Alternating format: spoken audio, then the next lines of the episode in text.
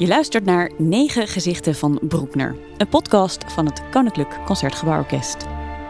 Mijn naam is Jet Berkhout en zolang ik me kan herinneren roepen de symfonieën van Broekner twee soorten reacties op. Je bent er verliefd op of je vindt het onverteerbare kost. In deze serie ga ik in vogelvlucht door negen symfonieën en het leven van Anton Broekner. Dat doe ik samen met Broekner-expert Axel Meijer en iedere keer een andere muzikus van het Concertgebouworkest. Waarom zijn Broekners symfonieën zo legendarisch? En waarom maken ze zoveel los?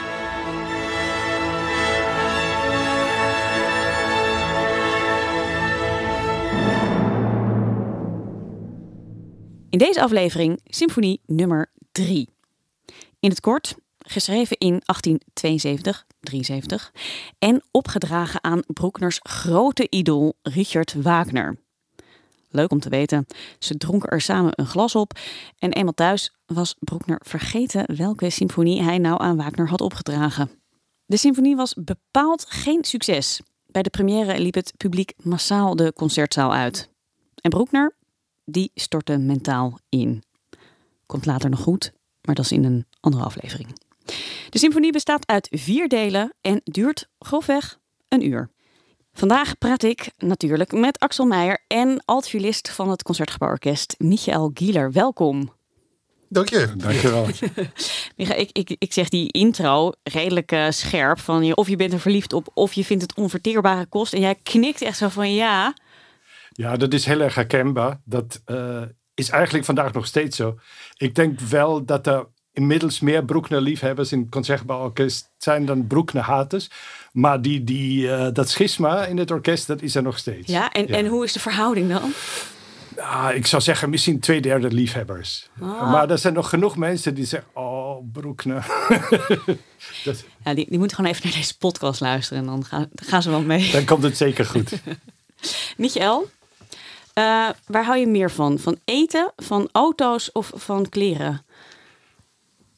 Van eten het meest. Ja, als je deze derde symfonie van Broekner zou moeten vergelijken met een gerecht, wat zou dat dan zijn?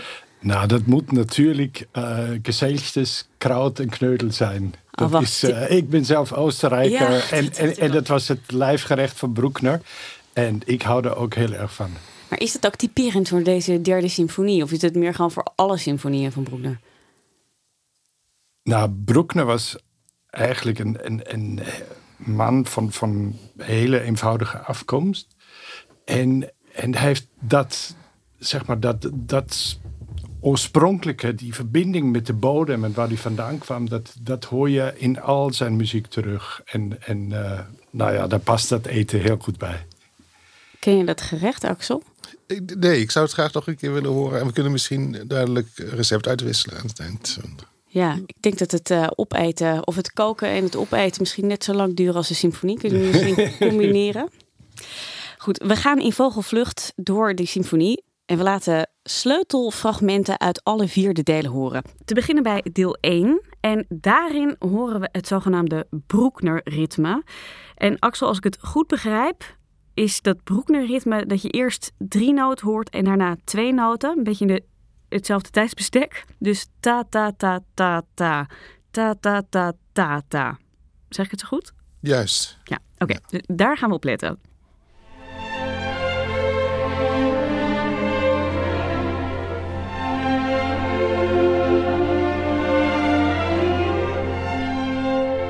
Ja, ik hoor het. Ik vraag me wel meteen af, doen niet veel meer componisten dit? Of is dit echt typisch Broekner? Bij Broekner komt het zo vaak voor en hij gebruikt ze ook zo uh, kenmerkend iedere keer en zo herkenbaar dat je ze echt moet zien als bouwstukken van zijn melodieën en daarmee van zijn hele, uh, hele symfonie vaak.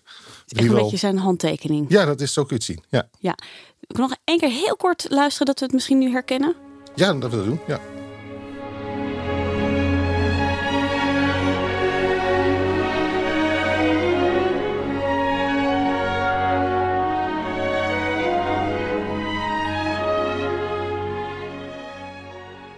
Deze laten we even in ons hoofd.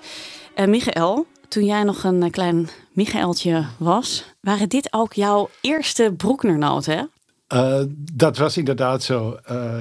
Ik, groeide op in Oostenrijk op het platteland. En op een gegeven moment was ik goed genoeg om in het Nationale Jeugdorkest te spelen. En het wil zo dat het uitgerekend de derde symfonie van Bruckner was. En daarvoor had ik wel wat symfonietjes gespeeld van Schubert en, en, en Mozart. Maar nooit in zo'n groot orkest. En als je dan eh, daar zit in dat geweldige instrument, dat zeg maar gigantische orkest met, met al die mensen. Ik had nooit zoiets meegemaakt. Dat zal ik nooit vergeten. Is het daarmee ook je favoriete Bruckner-symfonie geworden? Nou, dat zou, zou ik zo niet zeggen, omdat al, alle Bruckner-symfonieën zijn mijn favoriete symfonieën. Dus eh, elke symfonie die ik speel, denk ik van, yes, ik mag het weer. En, en, en dat is... Uh, ja, ik, ik, ik weet niet. Voor, voor mij, voor mij is, is Broekner heel belangrijk. Voor, mijn beleving als, als muzikus, uh, wat het doet. En, en uh, er, zijn, er zijn weinig componisten die, waar, waar je me s'nachts voor kan wakker maken en zeggen: uh, Kom, we gaan Broekner spelen. Ik sta meteen op en ik ga spelen. Maakt niks uit welke. en wat, wat voel jij als je dit hoort? Ben je dan weer meteen klein, opgewonden, zenuwachtig? Ik denk dat de muziek van Bruckner je sowieso klein maakt. In, in de zin dat het over grote dingen gaat. En, en, en hij was zelf een, een, aan de ene kant een heel bescheiden man. Aan de andere kant was hij, uh, was hij ook heel ja, overtuigd van, van, van, van wat, hij, wat hij wilde zeggen eh, met zijn muziek. Dat is heel dubbel. Maar die muziek zelf, die, die is duidelijk onderdeel van, van een groot verhaal waar Broekner zichzelf alleen maar een, een, een, raadje in het grote universum vond. Tenminste, zo, zo heb ik het altijd ervaren. En dat, dat vind ik heerlijk om je daar helemaal in, in te kunnen verliezen. Leuk te weten dat het dus ook op jonge leeftijd al zo kan uh, aanslaan. We hebben dus de Broekner handtekening gehoord. Zo is het, ja. Gaan we naar deel 2. Let's. En dan komt als eerste Sound of Music.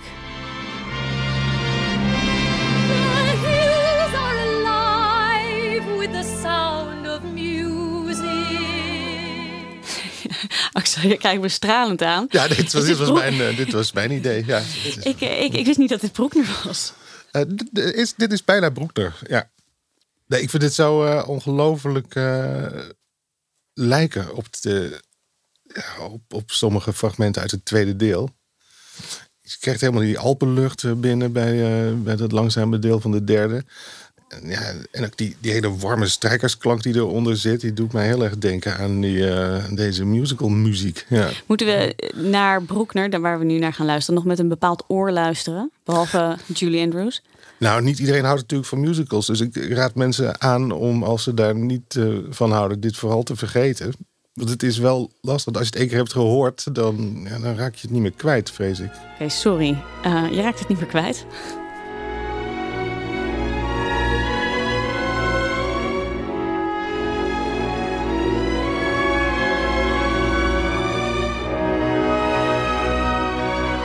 Zie er rennen hoor. Ja, ja. Door die almen. Paarse milka Het klooster. Wilde Broekner hier eh, iets mee uitdrukken? Ongetwijfeld. Maar eh, wat hij er precies mee wil uitdrukken, dat weet ik niet precies. Ik weet van, van Michiel dat hij heel erg uh, de Oostenrijkse natuur in terug hoort in dit deel. Ik hoor eigenlijk in, in alles van Broekner hoor ik de Oostenrijkse natuur uh, terug. Dat is, hij heeft heel veel heel veel elementen gebruikt die ook in de volksmuziek terugkomen. Alleen, alleen dan ingebed in een, een, een gigantisch bed, zeg maar, oververgroot. Maar uh, dat horen we er nog sterker terug in, uh, in het scherzo misschien. Dat, uh, de, het volgende deel. Ja, maar veel, veel liederen, melodieën die, die, die zo ook, ook uh, uit de volksmuziek kunnen komen. En uh, hij heeft ze niet, uh, niet gestolen, dat hebben anderen veel meer gedaan. Maar, maar hij heeft het wel in zich gedragen. En, en dat hoor je bij alles terug. En ook hoe, hoe de bassen erin komen en die. die ja, de, de, de, de harmoniek die, die is, die is uh, deels heel eenvoudig eigenlijk als het om, om, om uh, zulke zangerige thema's gaat. Het is helemaal niet zo ingewikkeld. Het is helemaal niet zo gek dat Axel er ook uh, een soort van liedje Nee, ik heb er wel sympathie voor. jullie hoorden allebei jullie eigen lied in. Oh, mooi. Um, er zit nog een bijzonder fragment in dit tweede deel. De Marienkadens. Marienkadens, ja. Marienkadens. Ja, die heet zo omdat Broekner die ook gebruikt in een Ave Maria. Uh, waar we misschien een stukje van kunnen horen, dat weet ik niet zeker. Wat misschien wel aardig is om te vertellen is dat jij vroeg wat Broekner nou met dit deel bedoelde net. Uh, Broekner heeft ooit helemaal op het eind van zijn leven verteld dat hij dit deel ook heeft gecomponeerd als een, uh, als een monument voor zijn moeder. Dus ter nagedachtenis aan zijn moeder. Die was een aantal jaren eerder overleden al. Theresia. En bij Broekner als hele vrome katholiek denk je dan bij zo'n Ave Maria, waar hij dan uit citeert, of het gaat andersom, doet niet zoveel toe. Dat fragment heeft blijkbaar duidelijke betekenis voor Broekner. Het is een soort gesprek met een moeder natuurlijk voor een uh, vrome katholiek, een Ave Maria. We luisteren eerst even naar dat tweede deel, de Mariën Cadens. Ja, het is maar een heel kort fragmentje hoor, maar het krijgt een prominente plek in dat deel. Komt Eerst de symfo symfonie 3 ja.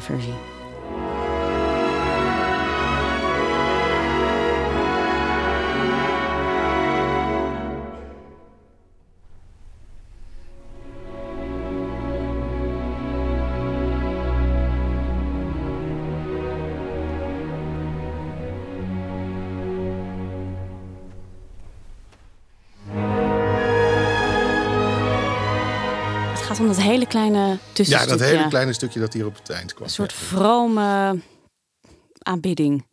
Ja, zo, zo kun je dat uh, best voelen, lijkt me. Ja. En dan nu Ave Maria.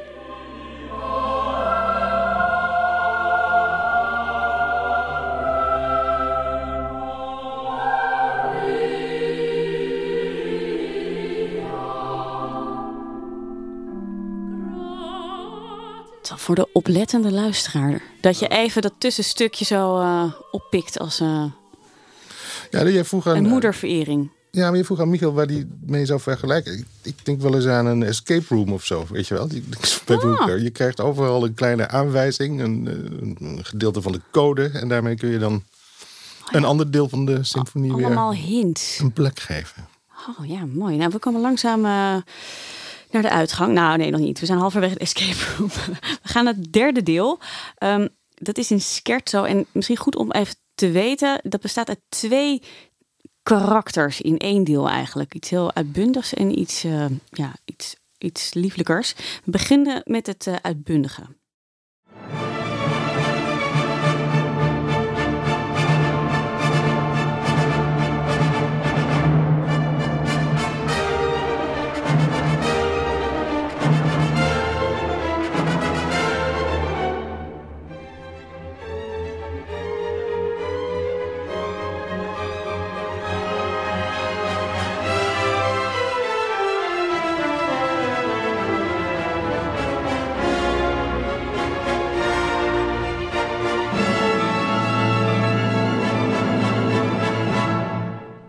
Dit is een typisch Broekner scherzo.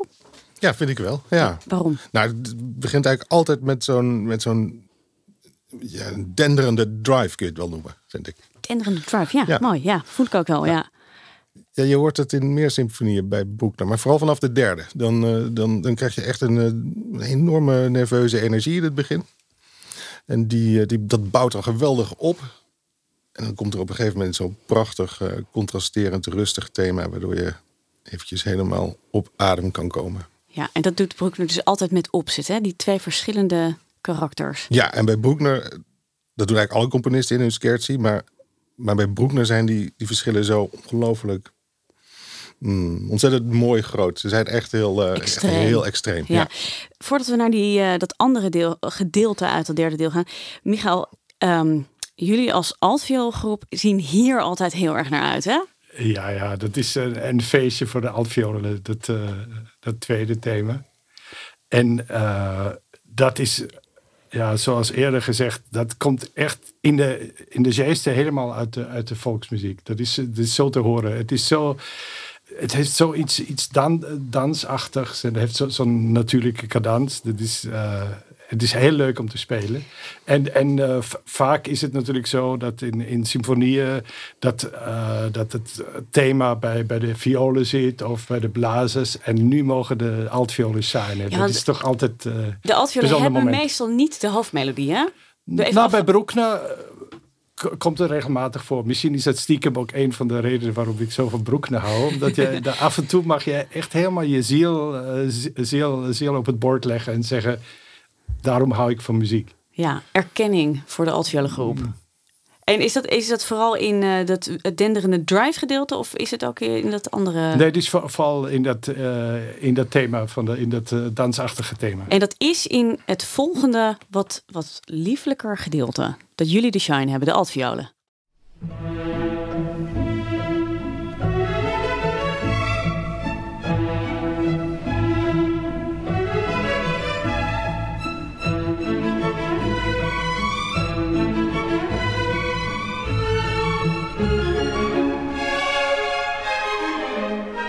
Dat is net een verliefd stel. Hè? Zo, zo, een man die, die een beetje zo, zo de, de dame uitnodigt. De violen zijn dan die dame en die uh, geven dan commentaar. Kijk er ook een beetje verliefd bij, uh, Ja, nou ja. Ja, ik snap het. Kijk ja. er altijd naar uit.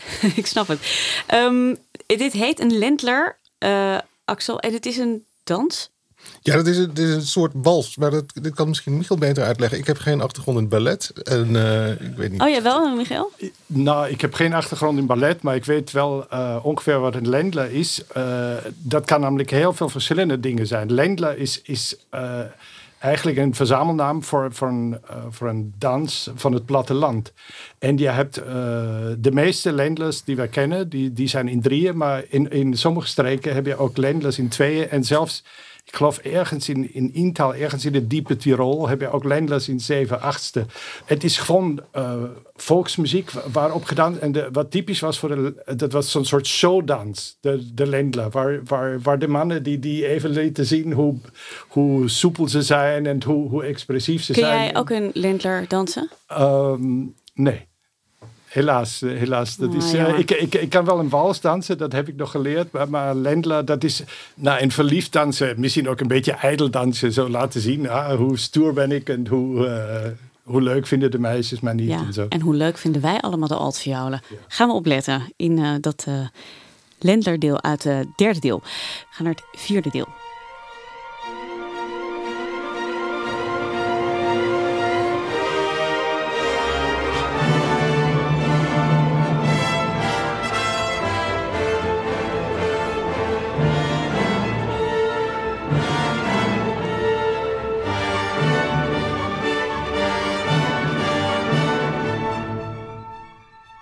Hij zit weer lekker hoog in zijn energie, uh, Broek. Ja, de nerveuze energie, ja, kun je dat noemen, vind ik. Ja.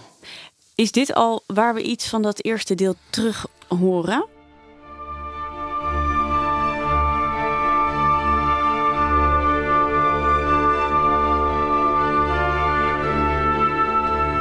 Ja, en dan wel tamelijk verborgen, zoals in de goede escape room dus eigenlijk. Ja, het wordt steeds moeilijker naarmate de uitgang nadert. Uh, nee, het valt, het valt echt reuze mee. Je kunt het, ik zal het even illustreren, dan hoor je het zo. Je hebt het begintrompetje. Ja.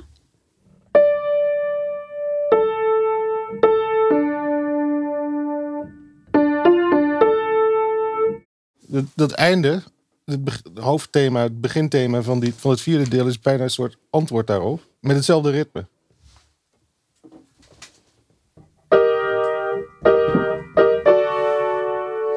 Hoor je dat? In die blazers hoor je dat.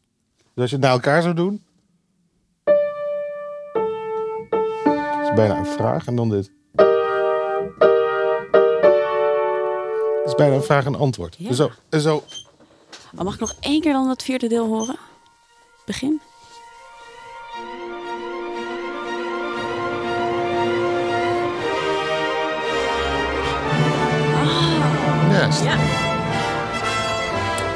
Wordt ingelost.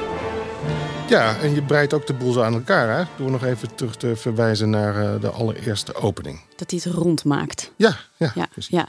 Uh, er zit ook een stukje in uh, ja, waarvan je zou kun, kunnen denken: het gaat helemaal mis. Um, laten we heel even luisteren.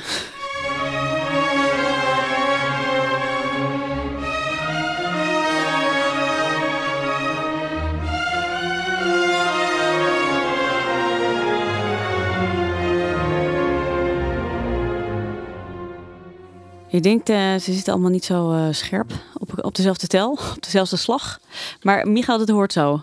Ja, dat hoort absoluut zo. Um, mijn theorie is dat, dat Bruckner gewoon die akoestiek van een kathedraal gecomponeerd heeft. Waar je dan een melodie hoort en tegelijkertijd een, een, een halve tel later hoor je de melodie terugketsen.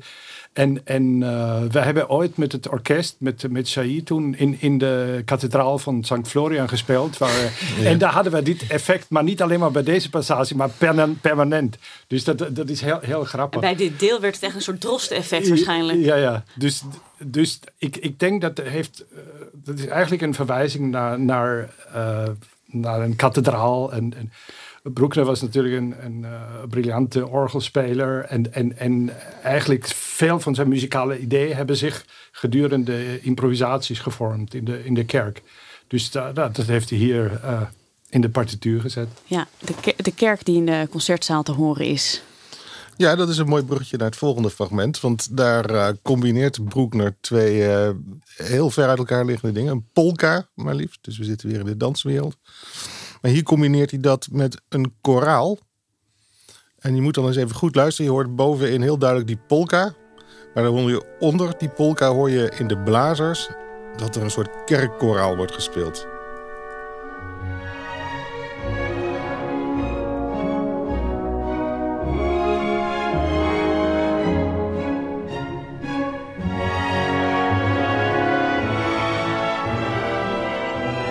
Ja, ik hoor het nu inderdaad.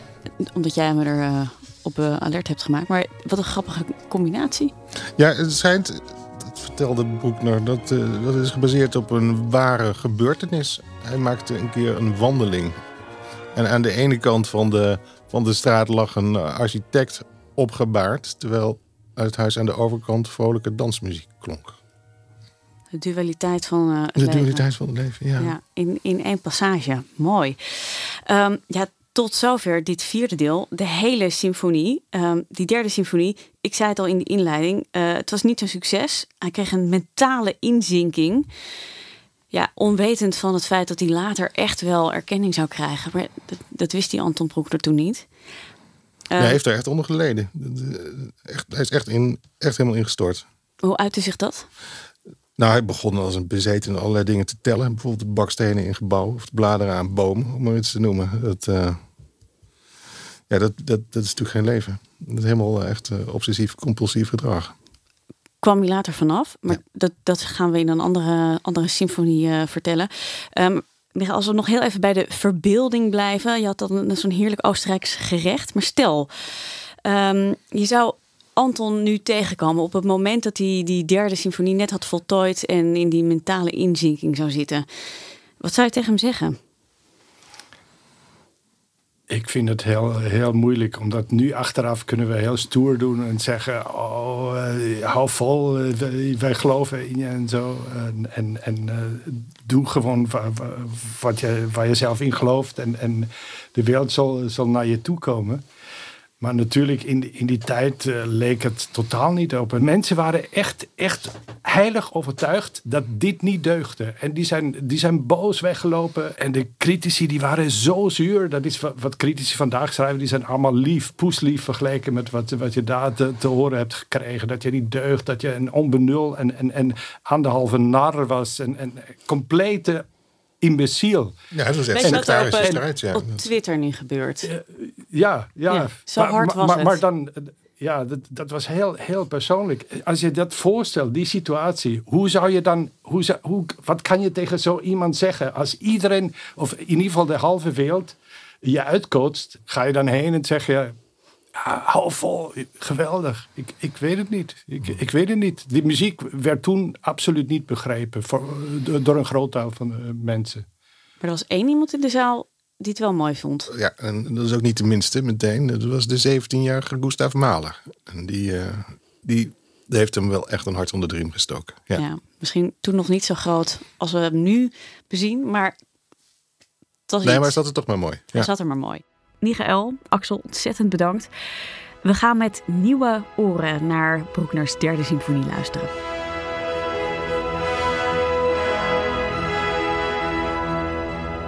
Dit was de aflevering over de derde symfonie van Negen Gezichten van Broekner. Denk je nu, ja, deze derde symfonie wil ik van A tot Z horen? Ga dan naar onze afspeellijst op Spotify met de titel Negen Gezichten van Broekner. Maar misschien nog mooier is het om de symfonie live te horen. En ook dat kan. Komende tijd voert het Concertgebouworkest Broekners negen symfonieën uit in het Amsterdamse Concertgebouw. Met elke keer een andere illustere dirigent. Aanrader. Oh, en vergeet je niet op deze podcast te abonneren, want dan weet je zeker dat je geen aflevering mist. Dank voor het luisteren.